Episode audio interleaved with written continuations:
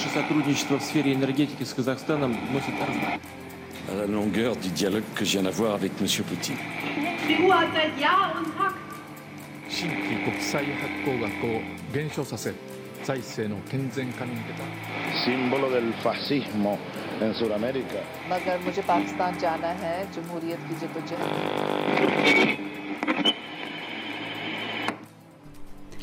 AI, eller kunstig intelligens, blir mer og mer relevant i dagens samfunn, og er antagelig en større del av hverdagen din enn hva du kanskje tror. Men hva er det egentlig? Og hva er problemene med kunstig intelligens? Med meg i dag for å snakke om dette er Ivar Mathias Tryti Sunde og Avery Miller. Mitt navn er Helene Knag, og du hører på utenriksmagasinet MIR. Excuse me, Mr. President. Mr. President. Elect. Go Mr. ahead. Go ahead. since you are attacking Thank our you. Thank you. What do you think about the Norwegian student radio show Utenriksmagasinet MIR? You are fake news. I think it's a disgrace. It's a failing pile of garbage. Nådeløs kritikk der fra verdens mektigste mann. Uansett, vi i Utenriksmagasinet MIR jobber hardt for å forbedre oss, slik at vi kan gi deg de aller beste utenriksnyhetene hver fredag fra studentradioen her i Bergen. Artificial intelligence, eller kunstig intelligens, Ivar. Det er jo kanskje litt vagt for folk, og det er blitt et sånn ord som man hører rundt omkring, men kanskje ikke helt vet hva er. Men hva er det for noe?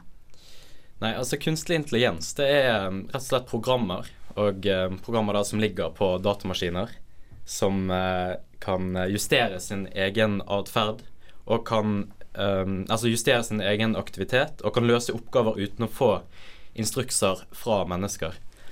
Uh, kunstig intelligens kan òg lære seg selv hvordan den skal løse oppgaver. altså F.eks. hvis han sliter med et problem, så lærer han av sine egne feil, sånn at han neste gang han prøver å løse den oppgaven, så klarer han det på en bedre måte enn det han gjorde forrige gang. Og kunstig intelligens det er jo egentlig overalt. Det er jo fra inn på mobilene våre til selvkjørende biler, eh, GPS-er og egentlig overalt rundt oss. Ja, eh, absolutt. Um, eh, og det som vi eh, En av grunnene for at vi tar det opp nå i dagens program, er at i dag så er kunstig intelligens ennå i sin infancy, da, som man kan si. Så i startperioden. Startperioden. Takk. takk. Pionerfasen. Ja. Så den, det frykten er jo liksom at nå er eh, kunstig intelligens mer en slags type eh, på et program som kjøres for eh, masse, masse sekvenser etter hverandre for å løse et problem. Som feiler konstant og konstant og konstant. og konstant. Jeg hadde ikke sagt at kunstig intelligens i dag lærer nødvendigvis. Den bare kjører så mange eh, sekvenser, teorier og problemstillinger og løsninger at til den lykkes med en av dem. Men de, den kan tenke så kjapt og arbeide så kjapt i forhold til det et menneske kan. Så vi ser på det som intelligens. Frykten er når det kommer til uh, selvbevissthet. Og det er ikke så langt unna, mener uh, mange forskere. For eh, hvilke bruksområder er det egentlig kunstig intelligens eh, er en del av eh, nå? Eh, man har jo f.eks. hvis du skriver en melding på mobilen, så kommer det opp sånne ordforslag. Eh, da husker han fra de forrige gangene hvilke ord som passet sammen med hverandre. F.eks. hvis jeg er inne på mobilen min. Så hvis jeg f.eks. har skrevet 'skal vi møtes utenfor', eller altså møtes utenfor kinoen f.eks., så kan jeg bare trykke på Da kan jeg skrive 'SK', så trykker jeg Så kommer det opp 'skal', og så husker han fra forrige gang en 'vi', og så kommer 'møtes utenfor kinoen'. Men hvis det f.eks. vi skal møtes utenfor annet sted, så husker han det òg, men han kan tilpasse og da komme med andre forslag. Altså han husker å tilpasse seg hva ord du har brukt tidligere. da Blant annet så har Norges eh, Telegrafbyrå, altså NTB, de bruker faktisk kunstig intelligens til å skrive kampreferat fra fotballkamper. Um, Ja, det visste jeg ikke. Jo, det er ganske tøft. Og det er jo også en del av eh, litt eh, Eller skal vi si begynt å bli en del av viktigere saker og ting, eh, Avery. Hva, Ja, absolutt. Eh, hva tenker du på? Vi bruker f.eks. For, for økonomien, da. Eh, Ah, ja. Ja. Uh, ja. Det er jo um, Det er litt uh, Det er litt um, de, Vi bruker det mye i økonomien vår nå, men uh, som igjen, det er ikke helt etablert uh, intelligens ennå. Det er mer et De fleste folk, filosofer og teknikere og sånt, de ser på det som et verktøy ennå.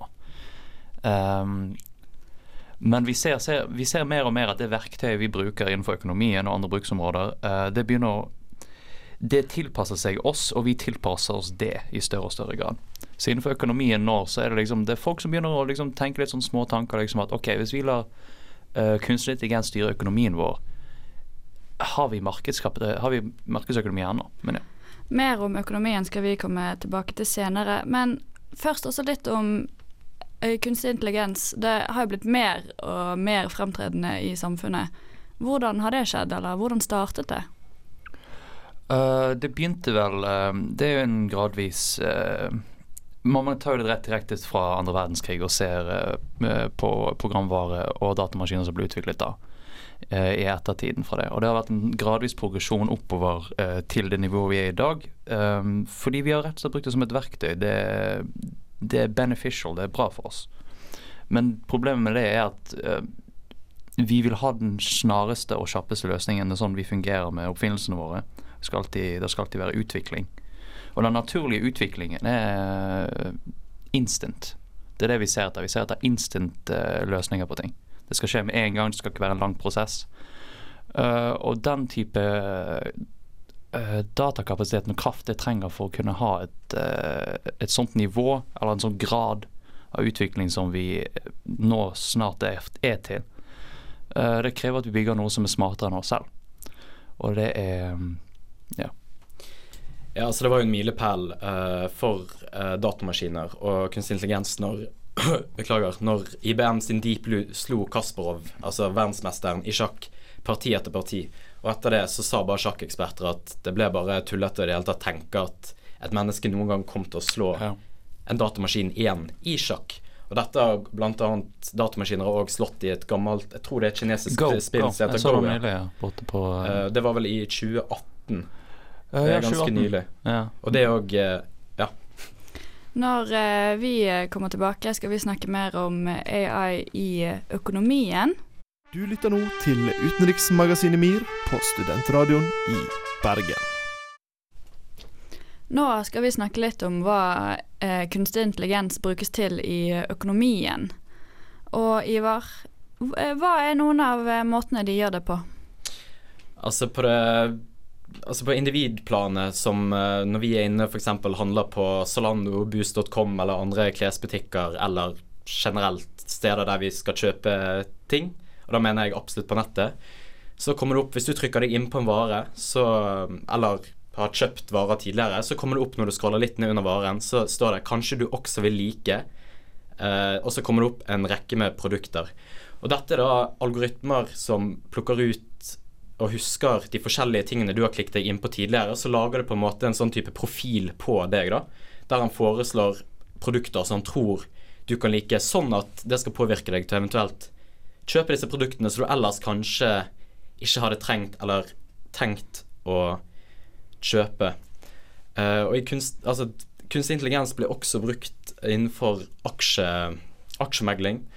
Um, det fins store selskap som holder på med aksjemegling, som lar kunstig intelligens uh, og programmer styre hvilke Altså ikke bare analysere de hvilke aksjer som bør kjøpes og selges, um, sånn at mennesker kan avgjøre om de skal kjøpes eller selges, men noen lar de faktisk også datamaskiner velge Altså utføre handling, altså, um, handlingene, da. Altså de lar datamaskiner kjøpe og selge aksjer, og ikke bare lar de analyserer sånn at mennesker kan gjøre det.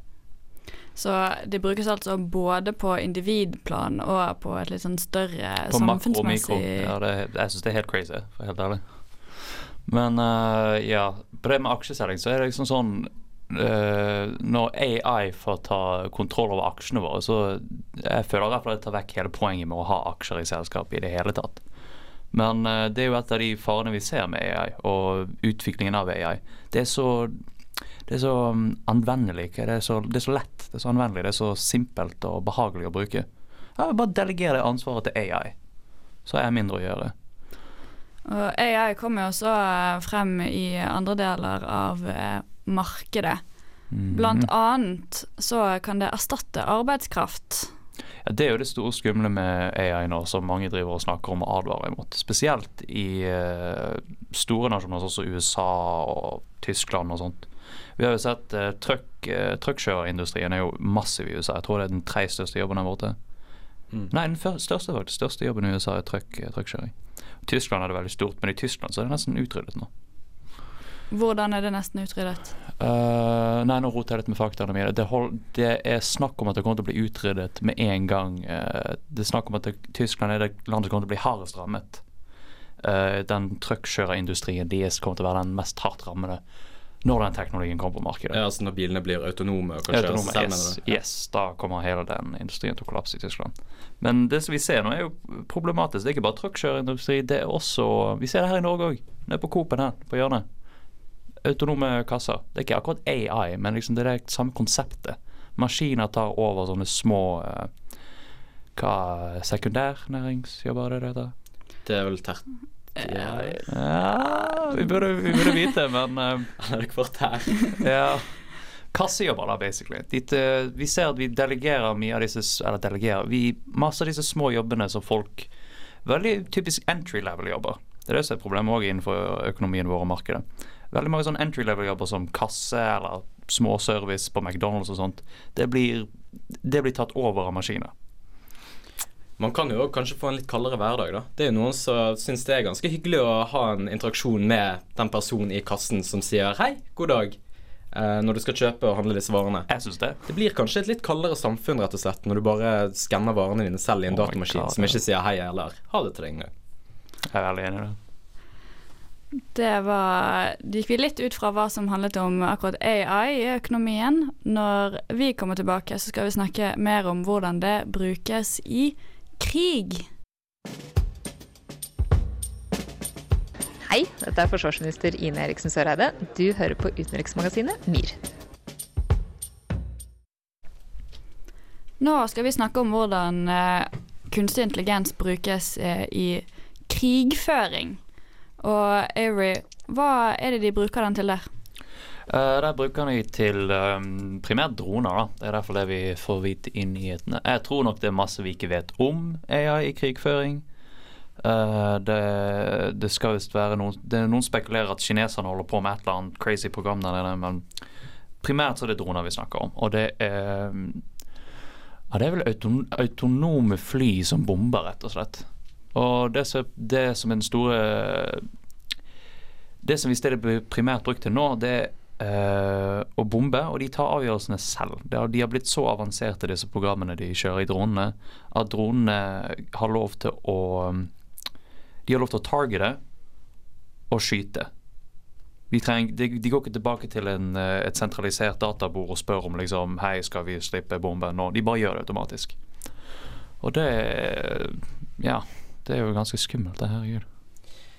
Ja, altså Kina og USA, um, du nevnte jo Kina, de holder på å investere faktisk utrolig mye penger i AI for å holde på med det innenfor krigføring.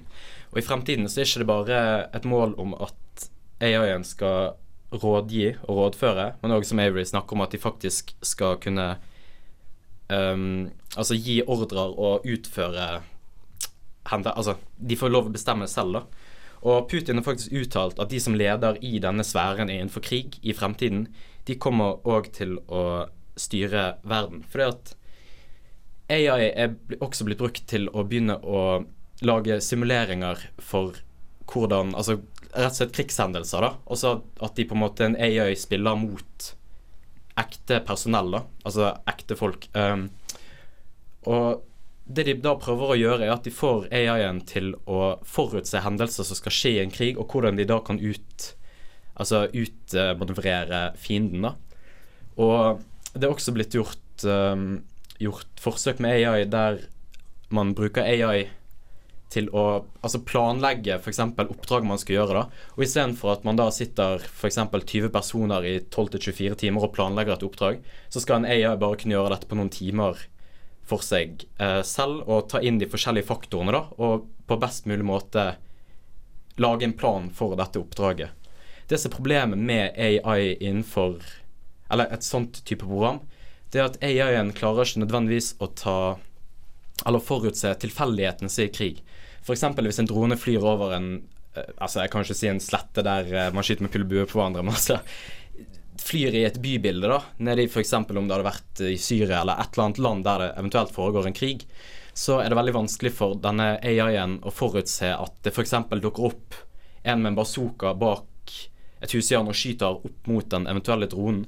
Så det man da prøver å legge inn i disse programmene, det er sånne forskjellige tilfeldigheter, sånn at man skal kunne klare å lære hvordan man skal håndtere disse eventuelle tilfeldige situasjonene som kan oppstå i krig, som er vanligvis et fullstendig kaos og utrolig uoversiktlig. Det var sånn som nevnte tidligere med de sånne sekvenser. sant? Det er jo sånn Mm, mm. eh, nå dagens jeg opererer. Den bare feiler og feiler og feiler konstant. Teoretisk sett, da, ikke praktisk.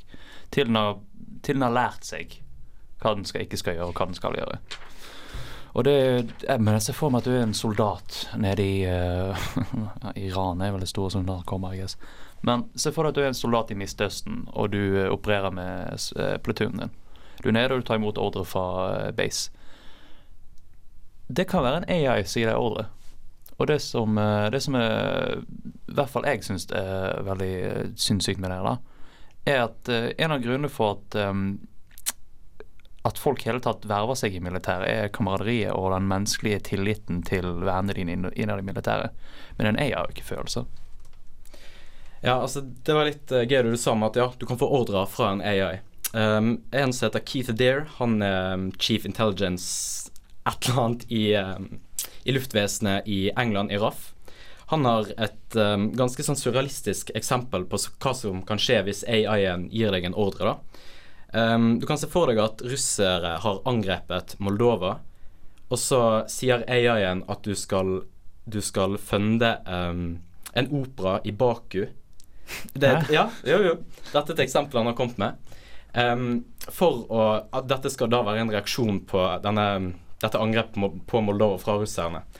Og det er jo ingen av oss mennesker som skjønner hvorfor vi eventuelt skulle lage denne operaen nede i Baku.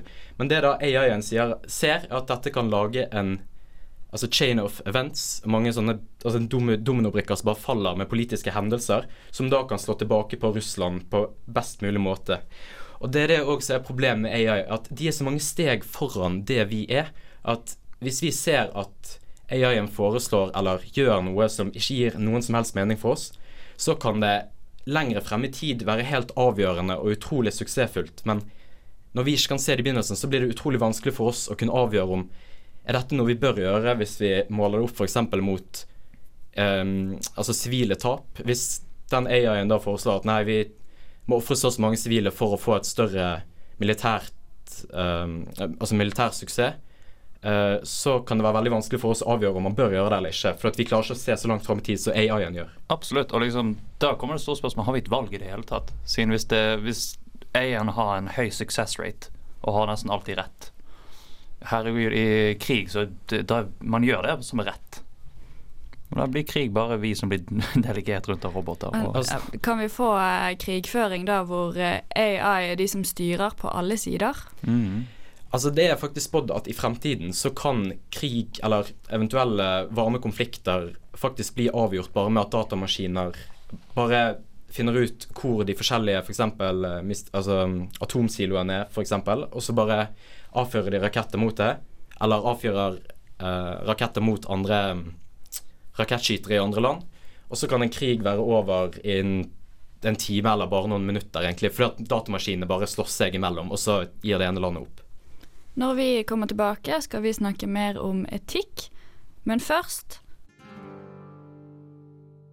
Se me sanciona porque convoco a elecciones generales para que el pueblo vote libremente y elija una institución como la Asamblea Nacional Constituyente. Forstår du ikke hva Venezuelas president Nicolas Maduro sier her? Frykt ikke, for utenriksmagasinet MIR rapporterer på hele Latin-Amerika og resten av verden, slik at du kan få med deg de viktigste utenriksnyhetene.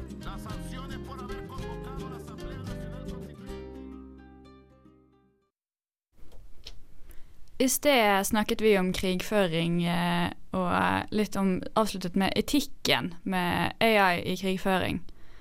Og eh, Ivar, hva eh, er problemet?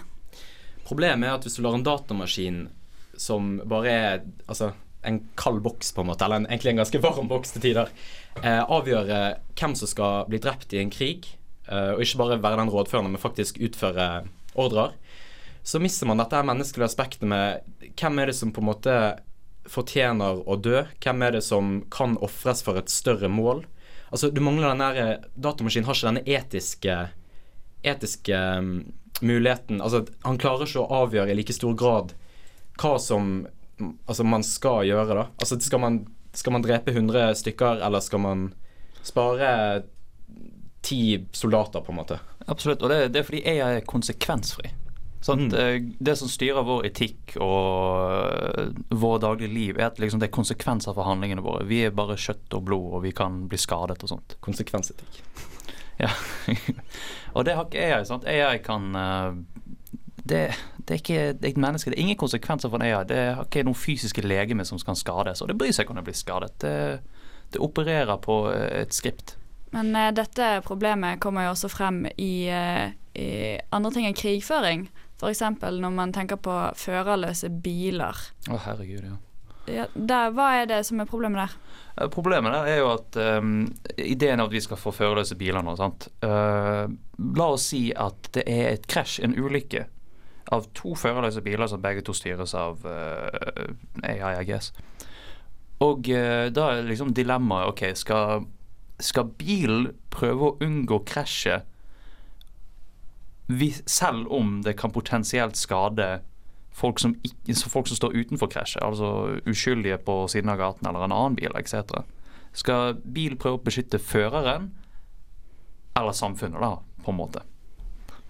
Og Her kommer det et annet dilemma igjen for de som f.eks. produserer bilene. Altså Elon Musk er jo vil si nesten pioneren på dette med førerløse biler sammen, altså med Tesla-selskapet sitt. Altså, Hvem har lyst må tenke på som en produsent som skal selge dette til uh, altså de som konsumerer varene dine. Yes. sant? Altså, det er jo ingen som kommer til å kjøpe en bil som kommer til å ta livet av deg hvis du kommer i en situasjon der du Altså Hvis, hvis bilen ser at nå kommer det til å skje et krasj, for den analyserer jo hendelsen før den skjer. Sant? Det er jo det som er målet med det altså, Det er jo ingen som kommer til å kjøpe den bilen, så det blir jo òg et dilemma for de som faktisk skal selge deg denne ja. bilen. For at det, ja, de må jo få solgt varen sin, sant? men da blir det òg et større problem, som Avery nevnte, dette her med at det går en mor med to barn over fotgjengerfeltet. Bilen kjører fort, bilen finner ut Jeg klarer ikke å stoppe i tide. Skal jeg da kjøre ned de tre, eller skal jeg på en måte beskytte føreren Um, ja, Skal jeg kjøre ja. ned de tre for å beskytte føreren? Ja, eller skal jeg på en måte svinge rett ut i uh, rekkverket ved siden av uh, autovernet for å yes. beskytte de tre? sant? Vi ser jo ofte det, jeg mener Mye av vårt sånn idé om bilkrasj kommer jo fra filmer og sånt, men det er, jo, det er jo ofte det som skjer i krasj. Er liksom at å, en, en, mann kjører eller en dame kjører bilen sin ned veien, og så oi. Nå, nå skjer det noe her som ikke er bra. Å nei, jeg kan potensielt kjøre inn i noen andre. Nei, jeg pff, svinger ut, krasjer.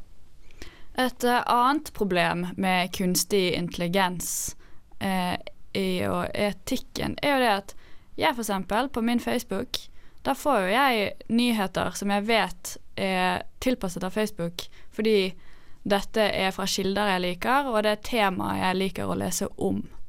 Hva kan være galt eh, med det? Du, du, har jo ikke Når du får skreddersydd nyheter til deg eh, på Facebook, så er det liksom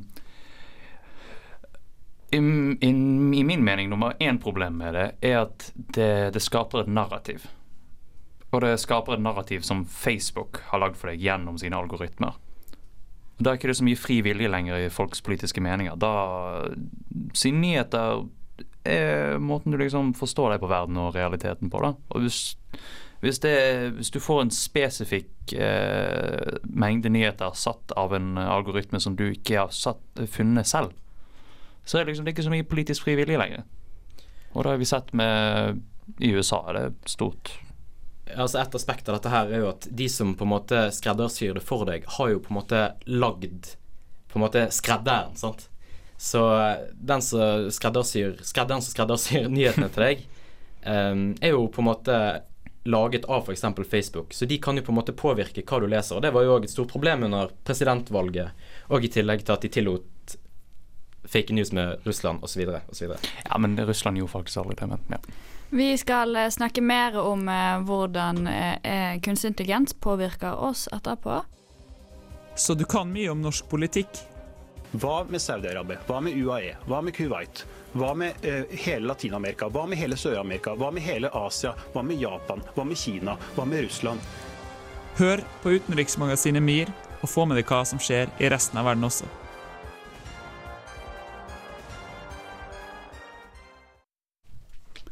Vi eh, snakket i sted om eh, hvordan eh, AI skredder, eller i hvert fall Facebook, da, med AI skreddersyr nyheter for hva man får lese.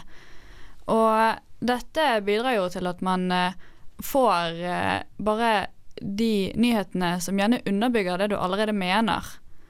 Og dette kan skape et økt polarisering. Avery? Ja, absolutt. Og et steg lenger enn øh, hva du allerede mener. Det setter jo narrativ og får folk til å mene noe spesifikt. Og øh, man må huske at når det kommer til mm, store spørsmål i verden, så er det ofte, spesielt i Vesten, så er det ofte store amerikanske nyhetskilder som rapporterer saken først. Store etablerte øh, programmer som CNN og MSNBC og alt det der. Uh, men de, man må huske at de er privateide selskaper, og de har et narrativ de har lyst til å pushe. Og når, deres, når Facebook bruk, når Facebook sin algoritme og andre sosiale medier sin algoritme som finner nyheter, uh, finner nyheter for deg, så bruker de disse private selskapene. Og mange av de er veldig pro krig, imot uh, veldig anti noen land, f.eks. med Syria, Libya, alt det der, de katastrofene vi har sett nå, pushet disse tingene veldig hardt. Og det, det brukte de AI og algoritmene til å gjøre. Så det, det er mm, Vi mister litt sånn fri vilje eh, politisk sett. Eh, og vi blir veldig polari polarisert nå. Men vi blir ikke polarisert eh, med policy, men meninger. Ja, så blir det litt sånn at Facebook nesten blir et sånn type ekkokammer for de meningene du er. For at når du trykker det inn, f.eks. hvis du er høyreekstrem, da. Nå har jo Facebook begynt å komme med verktøy for å på en måte begrense spredningen av høyreekstremistisk og materiale da, på Facebook og sånne holdninger. Men altså Som jeg er veldig imot, forresten. Jeg syns det er utrolig vanvittig at Facebook tar det ansvaret for å fjerne Men ja. Altså Roper du høyt nok eh, inn i kameraet, så kommer det på en måte enda sterkere tilbake. For at algoritmen husker at du har trykt deg inn for det. Og de har jo lyst til at, skal, at um, de forskjellige nettsidene skal generere klikk, sånn at Facebook igjen får reklameinntekter. Og det er jo en veldig uheldig konsekvens av disse algoritmene. Ja, absolutt, men jeg syns det, det, er helt imot at vi skal begrense forskjellige typer politiske meninger, fordi det ikke er korrekt. Nå har vi snakket veldig mye om problemene og de negative konsekvensene av kunstig intelligens. Men Ivar, hva kan være positivt med dette? Altså Majoriteten av uh, oss har jo Spotify, og Spotify sin Discover Weekly, eller f.eks. på bunnen av spillelisten din, der er det sånn at kanskje du også vil like, basert på spillelisten din. Det er jo kunstig intelligens rett og slett plukker ut hva de tror du kommer til å like. Og selv har jeg funnet en drøss med sanger via f.eks. Discover Weekly, eller um, de der tilleggssangene. Jeg bruker denne radioen. Den, den ja. jeg bruker mest. Ja, der òg. Altså der tilpasser de rett og slett um, sanganbefalingene etter hva du pleier å høre på. Og så skreddersyr de faktisk egne spillelister til deg, rett og slett, så de tror du kan like. Og dette har jo vært en sånn suksessfaktor, altså suksesshistorie for Spotify. For at det er jo den største strømmetjenesten av musikk i verden. Og det er jo selvfølgelig å ha lyst Altså Istedenfor at du på en måte må drive og kjøpe forskjellige plater fordi du liksom tror dette er noe du kan like, så kommer rett og slett Spotify bare 'Dette kommer du antagelig til å like'. Og så har de rett. Så må jeg bare rett innom, rett innom uh, bilen igjen. For at um, Vi var jo innom dette her med Skal bilen på en måte ta livet av føreren, eller skal ta livet av de eventuelle som går over fotgjengerovergangen. Altså Sånn skal jo sies at hvis vi får førerløse biler, så kommer jo Altså Det blir jo mindre ulykker, rett og slett. For at hvis alle bilene er selvstyrte, så er jo de alltid Altså Du mister dette her menneskelige aspekt i de menneskelige feilene, f.eks. For at når du har en førerløs bil, og så har du menneskeligkjørte biler rundt deg, så blir det mye vanskeligere for denne AI-styrte bilen og altså Dette var tidligere når jeg nevnte om disse her innenfor krigføringen med disse tilfeldighetene. For mennesker er, de er veldig spontane og kan gjøre tilfeldige feil. Um, og det at for, altså Hvis førerløse biler kun forholder seg til andre førerløse biler, så blir det, mener i hvert fall jeg, at det blir mye tryggere. For at du tar vekk disse menneskelige feilene som kan oppstå. Ja, jeg, jeg har ikke sagt en mening engang. Det er jo, det er jo rett og slett fakta. Men førerløse Mm, mm. biler hadde forhindret utrolig mange dødsfall. Og du, altså den her med å sitte mobil når du kjører, f.eks., eller fyllekjøring altså, Det blir fjernet. Altså, dette er ikke helt relatert, men de har jo bl.a. begynt med sånne alkometre i noen busser, prøveprosjekt, sånn at man skal for, uh, forhindre alkoholpåvirkning når du kjører biler. Og det hadde jo vært en idé innenfor dette. Dette var det vi hadde i sendingen for denne gang. Eh, når vi kommer tilbake, så skal vi avslutte. Har du selv hatt samtale med Meshal? Nei. Kan vi ikke ta eh, opp opptaket på dette eh, på ny? Hvis du heller ikke fikk med deg alle spørsmål, kan du høre alle våre sendinger på iTunes og srib.no.